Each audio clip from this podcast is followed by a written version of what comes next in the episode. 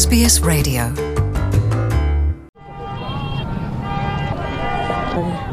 دا د کابل په لویدیځ کې د میرویس میدان کوټسنګي سیمه ده چیرته چې لړډیر لری واټنه لزګونه کسان خپل کورونو ته روان دي مریض دارم د داخل اینجا نمیمونن مشکل د می است کې ول مریض مشاکم دا د هغه پلار غږ دی چې غواړي خپل ناروغ ماشوم روغتون ته انتقال کړي هاشم وايي، له دوه ساعته انتظار وروسته لا هم امنیتي ځواکونو ورته د تلو اجازه نه ده ورکړې. مریض دارم د داخل اینجا نمیمانن مشکل دمی است که حال د موټر دننه زوی مې ناروغ دی امنیتي ځواکونه اجازه نه ورکوي چې خپل ماشوم زوی روغتون ته انتقال کړم که څه هم د جرګي سیمه مشخصه ده نو ولې دا لارې تړلي دا یوازې هاشم نه دی چې له دې ستونزې کړېږي بلکې یو شمېر نور د پاخه عمر کسان هم چې د شکر له ناروغۍ رنځ وړي او د تلو توان نه لري، شکایت کوي. بمیال خونم معاینه کردیم برای شکر دارم ولی رفته نمیتوانم ابي موتر اجازه بده که ما پیاده رفتار میتونم دست پای ما درد میکنه دا شکایتونه داسې مهال کیږي چې تیر ورځ یو ناروغ ماشوم د شدیدو امنیتي تدابیرو له امله په وخت روغتون ته ونه رسیدو او خپل ژوند یې له لاسه ورکړ. د دغه ماشوم پلار وویل، کله چې غوښتل یې خپل ماشوم زوی روغتون ته انتقال کړي،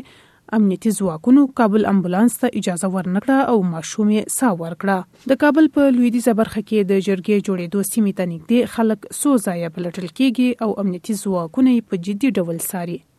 په داسې حال کې چې د سولې مشورتي لویه جرګه د دوشنبې په ورځ رسما پرانیستل شوه، خو دغې جرګې ته آن د جمعې له ورځې کلک امنیتي تدابیر نیول شوي او د جرګې تر پایه یعنې څلور ورځې به دوام وکړي.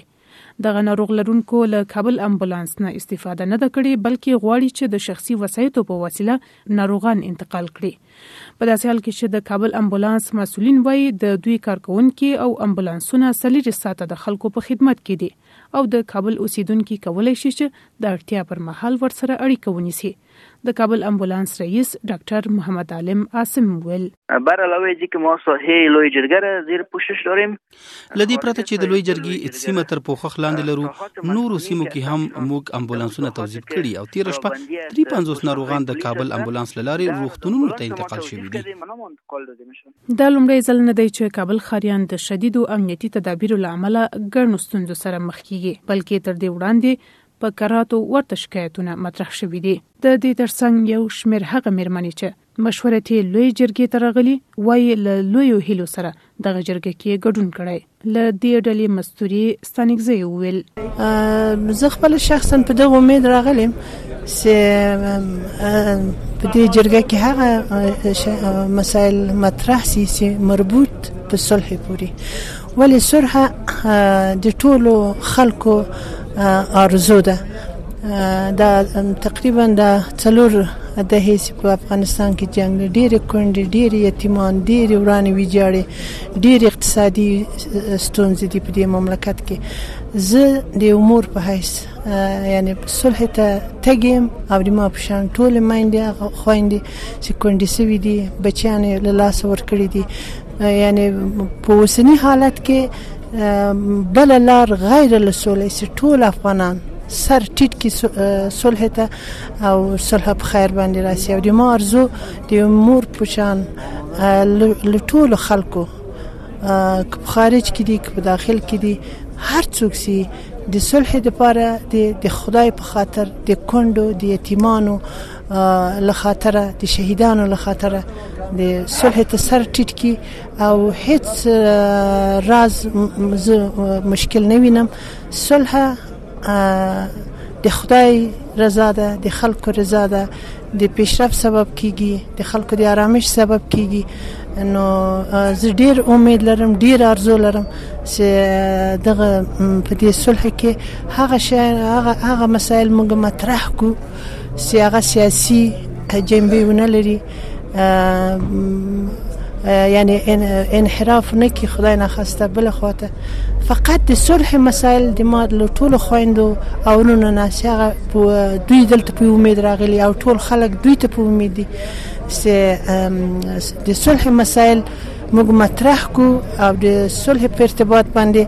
فیصله وکړو چې خدای خلکو او تاریخ ته د موږ مخونه سپین وي ټولو ویلي چې مزه یې ډېر ګواښ طالبانو ورونه کلی دی په کور کې کېنس نه چې سبا شهیدان شي موږ ویل چې دا زموږ سر د افغانستان نه قربان شي کمه ده د شپږو بچو مور برېښنا صدري په سر د کونړ له نړۍ ولسوالۍ کابل ته راغلي څو د سولې په مشورتي لویه جرګه کې ګډون وکړي وايي، یوازینۍ هیله یې دا ده چې په وطن کې سوله او امن راشي. موږ د دې جنګونو نه ډېر تنګ شوي یستو، د وینې تویېدلو نه تنګ شوي یستو، کونډې شولې، یتیمانان شولو، په افغانستان کې ډېر خلک بې کوره شو، خپل د سر نه هم تېر یستو چې په افغانستان کې سوله راشي او موږ د سولې ژوند وکړو. برېښنا وايي، د سولې په مشورتي لویه جرګه کې به یې یوازینۍ هیله له وسله والو طالبانو دا وي چې اوربند وکړي او له جګړې لاس واخلي. سوله به وغواړو او عرض به ورته وکړو چې نور د جنګ نه لاس واخلي، زموږ طالبان وروڼه چې د سولې لاندې ژوند وکړو او ښه ارامه ژوند په موږ باندې راشي، ډېرې وینې تویې شولې، نور جنګ نه غواړو، عذر به ورته وکړو چې راشئ یو ځای شئ، یو ځای لاسونه ورکړئ، د خورورولۍ، د ورورولۍ په افغانستان کې سوله دایمي وغواړئ، داسې سوله نه چې یو څو ورځې او بیا ته بیا دغه جوړ شي، بس چې د عمر دایمي سوله شي او ټول د سولې د نمنې لاندې ژوند وکړو موږ. څلوېښت کلنه برېښنا وايي، د جګړې له امله یې هره ورځ د سیمې ځوانان وژل کېږي. داسې ورځ باندې چې دوه او درې شهیدان د قندوز او د قندهار او د پکتیا نه کونړ نه راځي، ډېرې کونډې شولې، ډېر یتیمانان شو، ټول خلک همدا سبقونه او لمونځونه کوي چې په افغانستان کې سوله راشي او نورې نتوې نه شي، نورې خویندې کونډې نه شي، ماشومان یتیمانان نه شي، بس دی په کونډو هم د چا زړه نه سوځي، افغانستان کې. یتیمانان بیخي زیات شولو. برېښنا ته له بچو او کورنۍ لريتوب او کابل ته راتګ به ستونزمن وي، خو دا وايي د سولې په لاره کې هرې قربانۍ ته تیاره ده.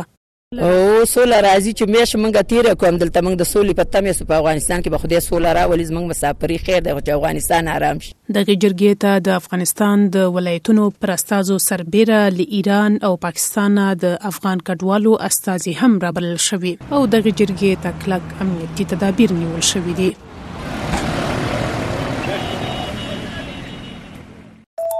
sbs.com.au